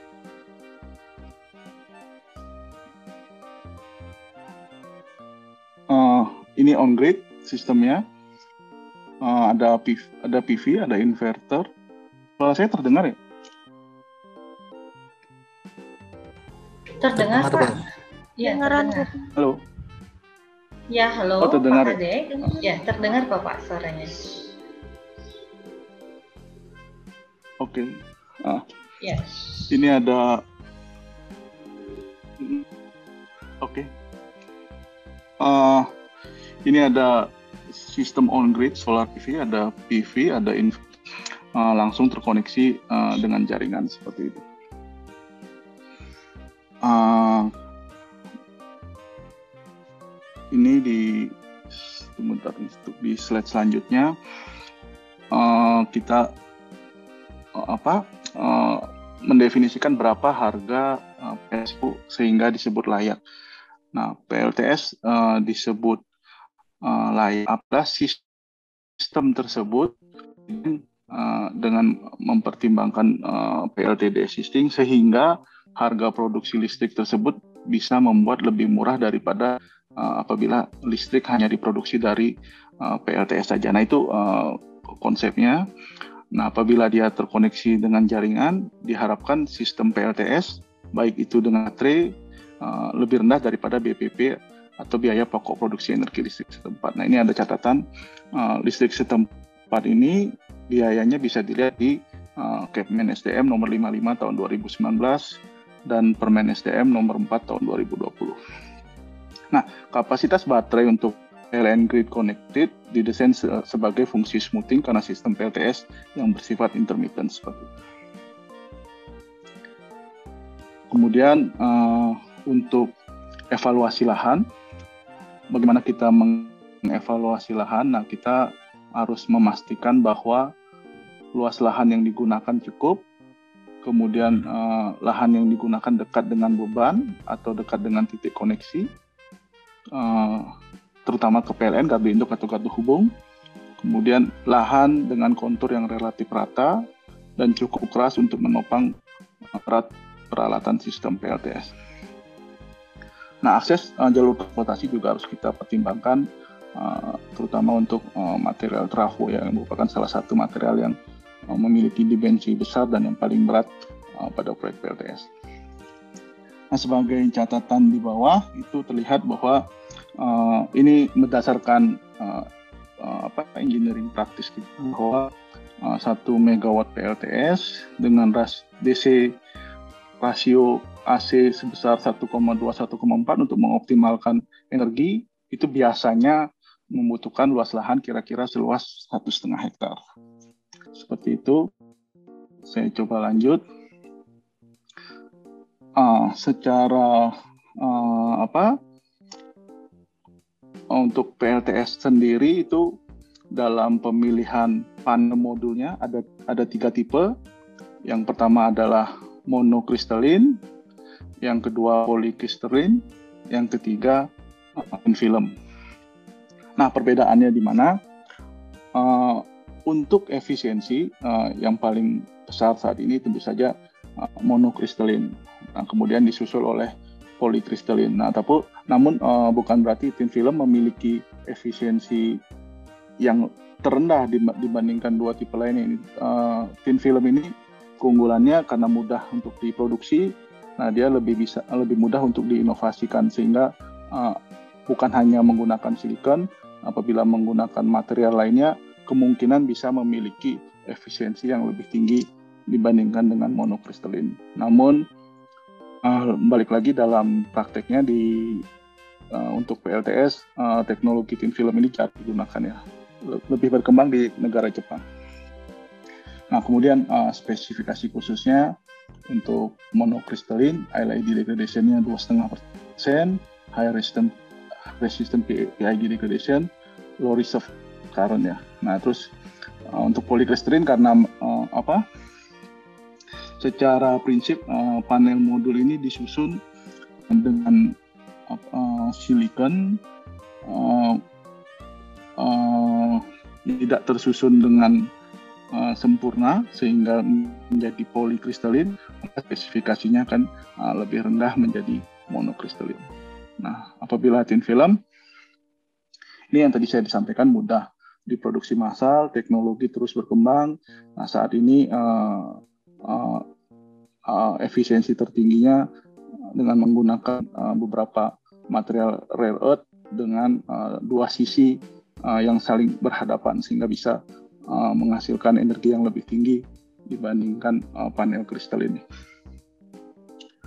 Untuk harga sendiri uh, monokristalin yang relatif lebih mahal dibandingkan poli dan tin film saat ini. Uh, untuk poli lebih murah dan seperti itu. Nah kalau yang tin film ini uh, uh, kemungkinan di masa depan ini akan berkembang, diperkirakan akan lebih murah apabila ke depannya bisa ditemukan teknologi yang sudah uh, mapan dan produksi secara massal kira-kira seperti itu.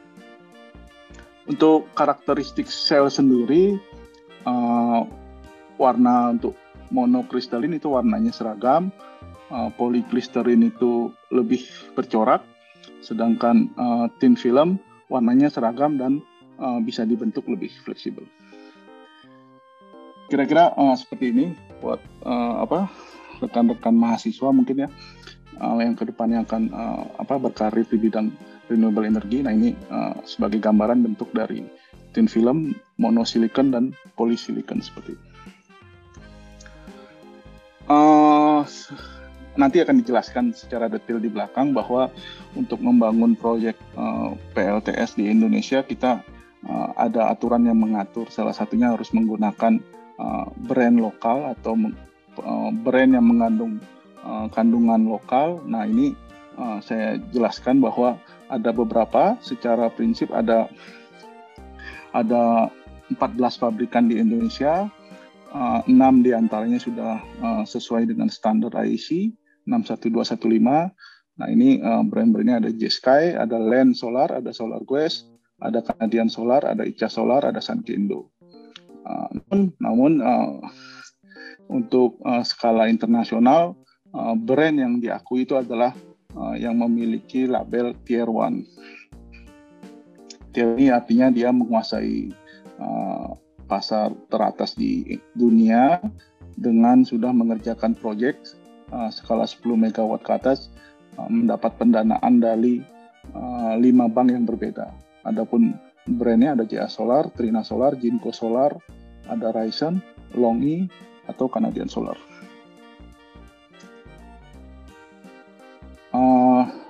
Tadi setelah uh, panel kita masuk ke teknologi baterai karena uh, salah satu materi uh, komponen utama di dalam PLTS untuk uh, menjaga intermittent sifat intermittent PLTS kita uh, tetap membutuhkan baterai. Nah, ada banyak tipe baterai namun uh, secara prinsip untuk proyek PLTS biasanya kita menggunakan tiga baterai ini ada lead acid, ada lead carbon, ada lithium ion.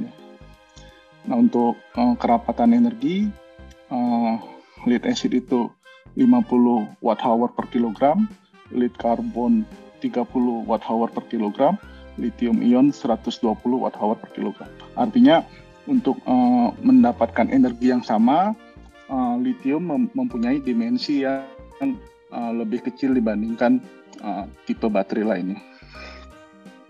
Nah untuk permasalahan di baterai itu uh, selain dimensinya besar, uh, juga salah satu komponen yang mudah rusak. Nah, uh, masa hidup baterai biasanya secara teknis kita ukur dengan istilah life cycle pada DOD 80% seperti itu.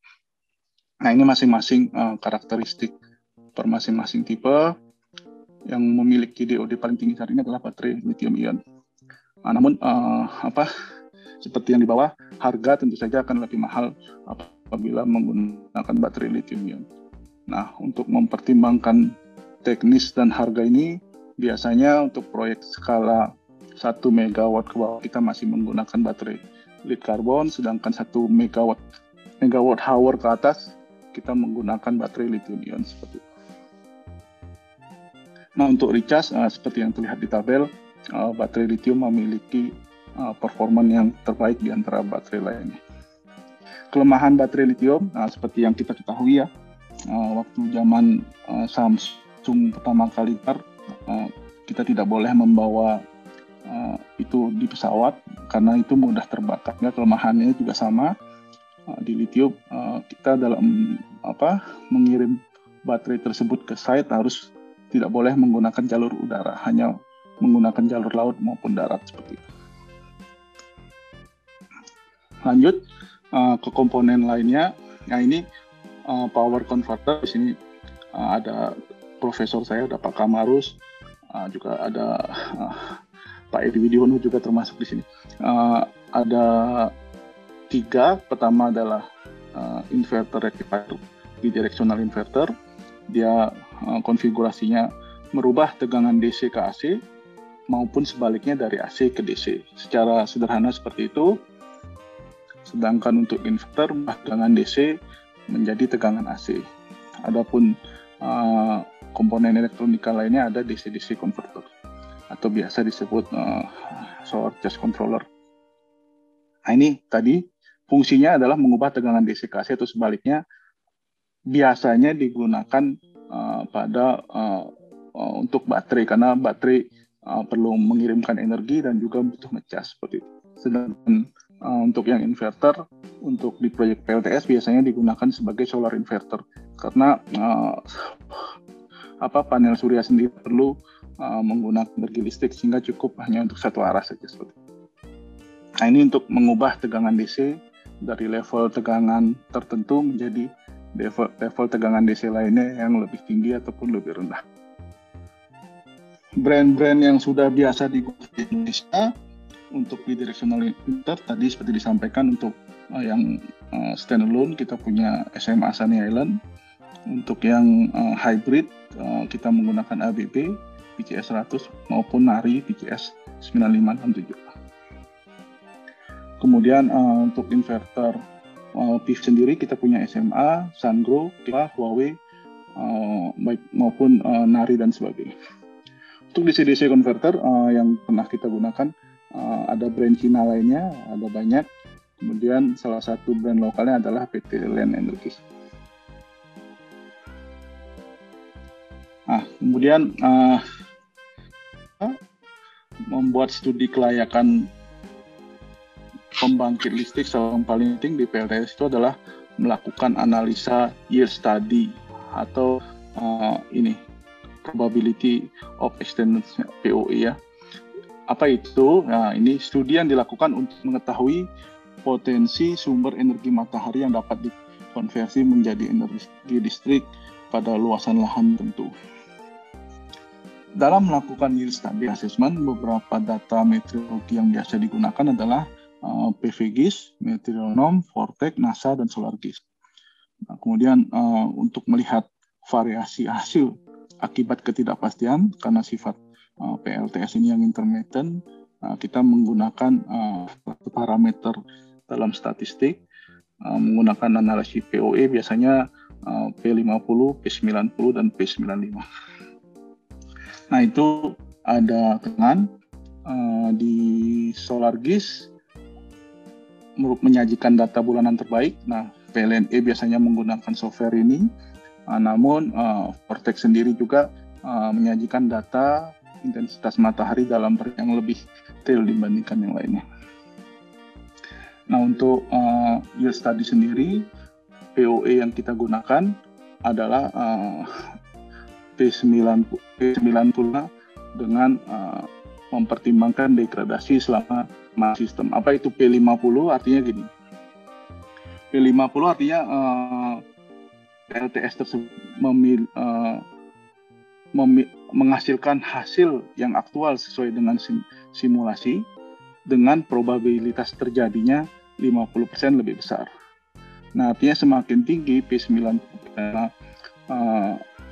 nilainya akan lebih rendah, tapi uh, dia semi pasti terjadi seperti itu. Nah untuk untuk uh, rekan-rekan uh, IPP baik PLN uh, untuk uh, mendapatkan kepastian investasi biasanya tidak menggunakan P50, uh, dia lebih menggunakan di angka P90 maupun P95. Uh, saya lanjut dalam mengukur uh, tingkat uh, performance PLTK mempunyai parameter yaitu performance ratio. Uh, performance ratio adalah parameter performance setelah dikurangi rugi-rugi daya yang timbul pada saat PLTS beroperasi. Rugi-rugi ini dapat disebabkan kondisi lingkungan sekitar, itu berdebu atau apa, ada shading dan sebagainya, kemudian efisiensi atau karakteristik masing-masing komponen yang digunakan, nah hingga kesempurnaan dari proses konstruksi. Maksudnya uh, dalam apa uh, menyambung satu peralatan utama ke peralatan utama lainnya itu uh, sangat rapi sehingga tidak ada losses yang terjadi akibat kelalaian sistem konstruksi seperti itu. Nah itu tadi uh, sekilas teknis. Uh, sekarang kita coba untuk masuk ke peraturan terkait ya. Uh, PLTS ada beberapa peraturan di layar tampak eh, peraturan-peraturan dari Menteri Keuangan. Nah, apa saja itu? Saya coba cuplik ada empat. Pertama adalah Peraturan Menteri Keuangan Nomor 21, di mana memberikan fasilitas perpajakan dan kepabeanan untuk kegiatan pemanfaatan EBT. Kemudian ada Peraturan Menteri Keuangan Nomor 176, eh, Peraturan Menteri Keuangan Nomor 35, Peraturan Menteri Keuangan Nomor 96, di mana uh, ketiga ini memberikan keringanan pajak PPH 35 dan uh, fasilitas pajak penghasilan untuk penanaman modal untuk proyek-proyek EBT. Uh, peraturan lainnya di luar Menteri Keuangan ada peraturan Menteri SDM uh, yaitu peraturan Menteri SDM nomor 10 tahun 2017 dan di amandemen tahun nomor 10 tahun 2018 di mana peraturan ini mengatur tentang pokok-pokok dalam perjanjian jual beli tenaga listrik. Ini khusus untuk uh, apa uh, rekan-rekan IPP yang membantu PLN dalam menyiapkan pembangkit listrik. Kemudian uh, ada peraturan Menteri SDM nomor 50 tentang pemanfaatan sumber energi terbarukan yang selanjutnya di amandemen 4 tahun 2020. Ah, khusus untuk PLTS floating, satu lagi peraturan dari PUPR uh, tentang uh, penggunaan waduk untuk pembangkit listrik tenaga surya. Nah, selain peraturan dari Menteri Keuangan, Menteri SDM dan Parti, seperti yang saya sampaikan di depan bahwa ada uh, peraturan terkait penggunaan uh, komponen dalam negeri ini diatur jelas di uh, peraturan Menteri Perindustrian nomor 54 tahun 2012 Peraturan Menteri dan nomor 5 tahun 2017 di mana ini masing-masing mengatur berapa TKDN untuk pemanfaatan PLTS khususnya di nomor 4 ini mengatur sangat detail berapa uh, uh, komponen TKDN yang ada di dalam panel surya dan baterai. Nah untuk sanksi uh, pembangunan PLTS ini tertuang di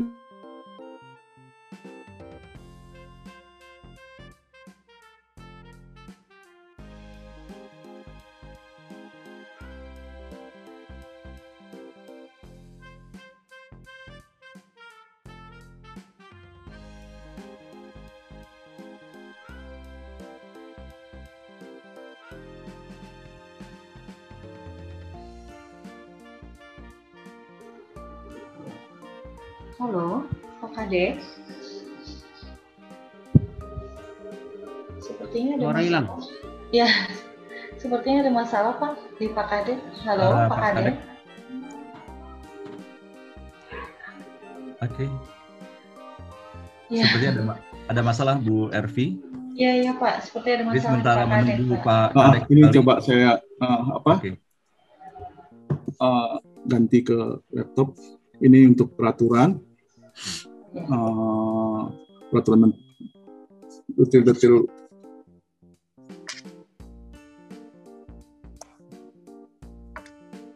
Tunggu sebentar, Pak.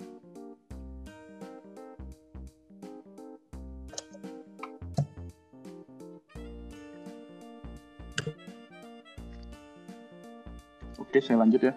Ini untuk eh, apa di slide selanjutnya tadi itu terkait peraturan ada peraturan keuangan SDM, PUPR dan Permenperin.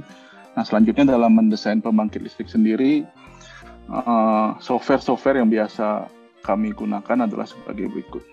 Nah pertama eh, untuk mengukur intensitas matahari kita menggunakan solar gaze tampilannya seperti ini atau adapun software pendukung lainnya ada PVGIS, Meteoronom, Vortex, NASA, uh, mau uh, NASA seperti itu. Kemudian untuk mengevaluasi sistem kita menggunakan PVSys seperti yang tadi setelah disampaikan oleh Pak Edi Widiono. Software lainnya yang bisa biasa kita gunakan ada Homer ya, Homer Power Planning. Nah ini untuk apa? Untuk uh, adik-adik mahasiswa bisa menjadi gambaran ke depannya apabila ingin berkontribusi di bidang renewable energy bisa mulai untuk mempelajari software-software tersebut. Nah, kemudian ini juga yang tadi disampaikan oleh Pak Edi Widiono uh, dalam mengevaluasi uh, grid, terutama impact-nya akibat uh, kita menginstalasi PV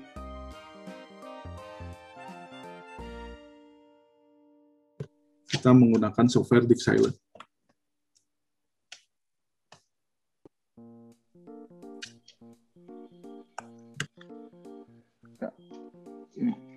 Kita menggunakan software Tick Silent. Adapun software lainnya ada uh, ini Cascade sim- Simulation ataupun Etap.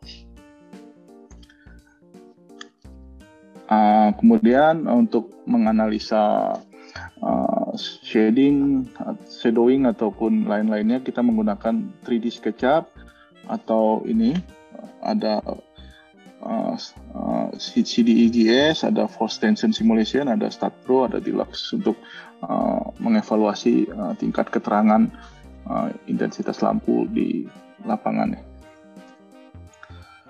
Itu tadi software. Uh, selanjutnya uh, kita lanjut untuk tarif IPP PLTS di Indonesia.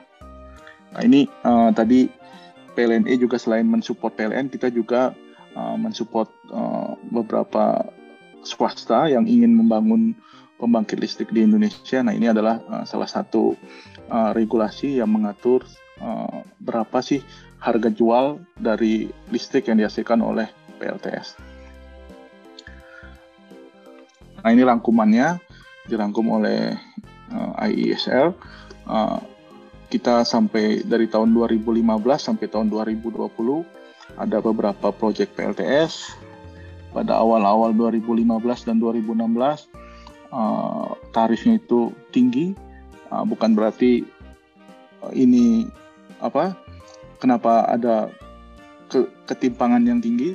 Memang pada saat itu uh, komponen-komponen utama PLTS uh, sangat mahal uh, dan tadi juga seperti saya sampaikan bahwa uh, apa pada tahun sekian juga uh, untuk biaya operasi genset sendiri juga uh, bisa mencapai angka seperti ini sehingga uh, PLTS pada saat itu juga uh, menjadi pilihan untuk dibangun kira-kira seperti itu.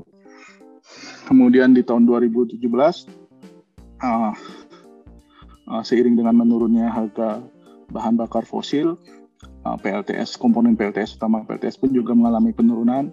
Nah inilah harga-harga yang terjadi untuk beberapa proyek IPP di Indonesia.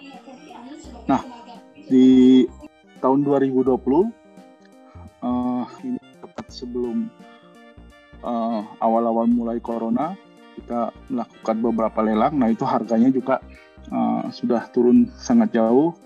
Uh, kemudian uh, mulai mendekati harga di uh, apa yang biasa uh, tersepakati di dunia internasional. Di sini ada saguling 3,7 sen, ada Singkara 3,6 sen ini yang termurah. Kemudian ini ada uh, PLTS Lampung 100 MB ini dengan baterai ya. Uh, harganya 9 sen. Ini uh, menurut saya juga sangat murah sekali. Nah, selanjutnya kita bandingkan uh,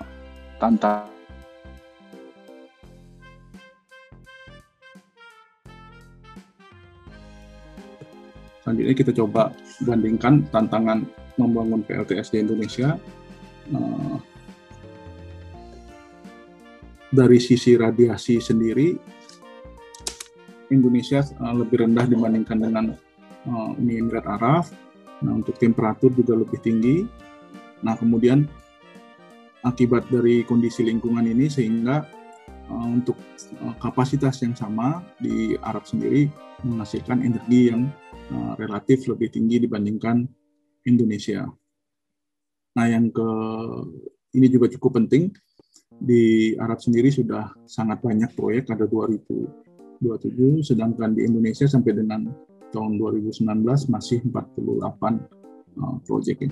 Nah, ini kesepakatan terendah di Indonesia 3,68 tadi di Singkara. Nah, di Arab di Emirat Arab sendiri sudah uh, per projectnya itu bisa sampai 1.35 sen USD. Nah, kenapa ini bisa terjadi? Nah, nah saya tidak bilang langsung bahwa karena panel penggunaan panel TKDN, namun uh, ya secara realitas harga untuk panel TKDN uh, jauh lebih mahal daripada panel tier 1 seperti itu.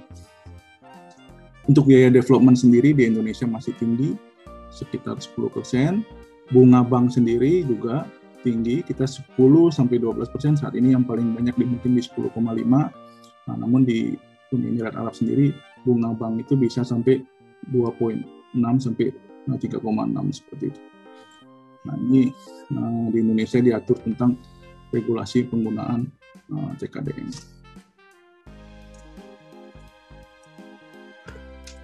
Saya lanjut. Uh, kita tadi dalam menganalisa pembangkit listrik dari sisi PLN tentu saja kita ingin menurunkan BPP. Nah, namun dari sisi apabila PLNE membantu pengembang, nah itu uh, proyek tersebut harus uh, bankable. Nah, apakah itu proyek yang bankable? Ini ada tiga. Pertama, bahwa investor yakin bahwa proyek dapat dilaksanakan dan semua risiko telah teridentifikasi dengan baik. Nah, artinya developer proyek uh, dan partnernya memiliki rekam jejak yang baik dan memiliki pengalaman membangun kapasitas yang selevel. Kemudian studi kelayakan juga dikerjakan oleh konsultan dengan reputasi yang uh, baik uh, di pihak bank maupun di pihak PLN seperti itu. Nah ini kebetulan PLTS adalah salah satu target yang akan dibangun cukup terbesar di Indonesia dan relatif mudah dibandingkan pembangkit energi lainnya makanya merupakan salah satu apa pembangkit listrik yang menarik untuk investor seperti itu.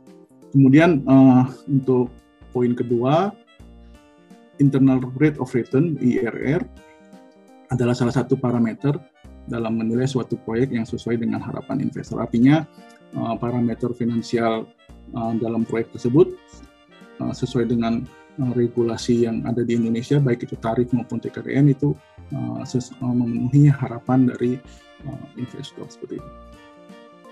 Nah, poin yang ketiga ini uh, harapan dari uh, developer juga apabila memungkinkan, nah, developer mempunyai akses untuk kolateral sebagai jaminan untuk uh, mendapatkan pinjaman. Nah ini penting juga. Uh, nah ini untuk detailnya mungkin kita bisa membicarakan secara terpisah. Nah ini saya coba bahas sedikit apakah itu income statement. Nah, income statement itu terdiri dari revenue. Revenue uh, itu adalah dari produksi energi listrik kita, kemudian uh, ada cost. Costnya itu kalau di pembangkit listrik ada biaya operasional dan maintenance. Nah, kita menghasilkanlah gross profit.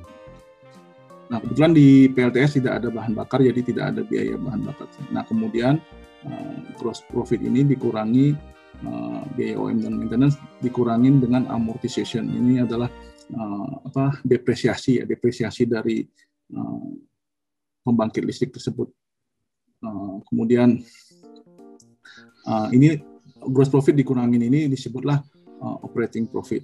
Nah, operating profit dikurangin dengan financing cost, baik itu kita membayar repayment maupun biaya-biaya lainnya, maka adalah profit before tax. Nah, setelah dikurangin tax, tax ini ada apabila uh, profit itu positif, nah, maka uh, jadilah itu net profit. Nah, inilah uh, yang menjadi rangkuman dari income statement. Secara prinsip ada namanya discount rate. Discount rate ini adalah sama apabila sama IRR itu sama dengan discount rate maka akan menghasilkan NPV sama dengan. Dalam artian di sini proyek tersebut walaupun dia memberikan keuntungan tapi secara uh, fungsi uang terhadap waktu uh, dia uh, tidak rugi dan tidak untung. Bisa dibilang NPV sama dengan nol seperti itu. Kemudian IRR itu dihitung berdasarkan free cash flow dengan rumus sebagai berikut. Nah, kemudian ini ketika kita membangun proyek menggunakan pinjaman bank, nah IRR dari proyek akan ditentukan oleh struktur biaya rasio antara pinjaman dan equity. Secara general, menggunakan pinjaman bank akan mengurangi uh, present value dari cash flow, mengurangi nilai net profit seperti itu. Artinya uh, jika kita membangun proyek dengan 100% equity maka kita memiliki net profit yang jauh lebih tinggi apabila kita menggunakan bank seperti itu. Namun uh, IRR proyek sama dengan IRR equity pada saat 100% proyek didanai equity. Artinya apabila kita menggunakan bank, nah tentu saja itu adalah leverage yang dapat meningkatkan nilai uh, IRR kita di proyek tersebut kira-kira seperti itu. Nah ini untuk uh, revenue project uh, bergantung dari kapasitas tentu saja kemudian intensitas matahari atau availability faktornya, uh, pertumbuhan beban, degradasi sistem PV semakin baik brand yang kita gunakan maka penurunan performance akan lebih rendah. Kemudian seminimum mungkin kita menggunakan beban di sistem PLTS dan kemudian pemeliharaan dan perawatan yang baik. Nah untuk tarif pembangkit listrik ini khusus di PLN ya kita membedakan menjadi lima ada komponen A di mana ini adalah pengembalian modal, komponen B adalah biaya fix OM, ini pass through, uh, komponen C uh, untuk PLTS ini tidak ada, hanya digunakan untuk uh, pembangkit listrik lainnya seperti misalnya PLTU, berarti itu adalah biaya untuk pembelian bahan uh, bakar uh, batu bara seperti itu. Kemudian komponen D ini variabel OM, artinya biaya ini timbul apabila PLTS beroperasi, sedangkan uh, komponen B ini uh, pembangkit listrik beroperasi maupun tidak uh, sudah timbul dengan sendirinya biaya untuk perawatan seperti itu. Nah, kemudian ada satu lagi yaitu komponen E. Komponen E ini adalah pengembalian modal sama dengan komponen A, namun dikhususkan untuk uh, fasilitas khusus, uh, termasuk di antaranya adalah jaringan distribusi dan transmisi yang dibangun oleh pengembang kira-kira seperti itu. Nah, secara prinsip uh, apa berapa itu besarnya biaya OM. Nah ini mungkin uh, studinya PLNE, tapi untuk tipe-tipenya biaya variabel itu ada general site maintenance, equipment maintenance, ini ada juga inverter maintenance, ada panel washing, ada wiring electrical inspection, software maintenance, inverter overhaul, ada pemeliharaan tidak terduga lainnya ini sebagai kontingensi dari uh, biaya-biaya ini, kemudian ada suku cadang, ada kendaraan di lokasi, ada, ada juga kontingensi di sini, ada kebutuhan lainnya, dan annual meter calibration. Nah, sedangkan biaya fix OM lebih cenderung ke biaya uh, apa uh, administrasi, di mana ada operator dan engineering, kemudian security. Nah ini uh, uh, ini untuk proyek yang skala KWP ya.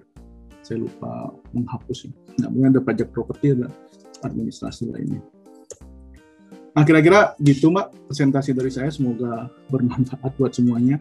Ini uh, cukup teknis, tapi uh, semoga bisa diterima dengan baik oleh semua. Terima kasih.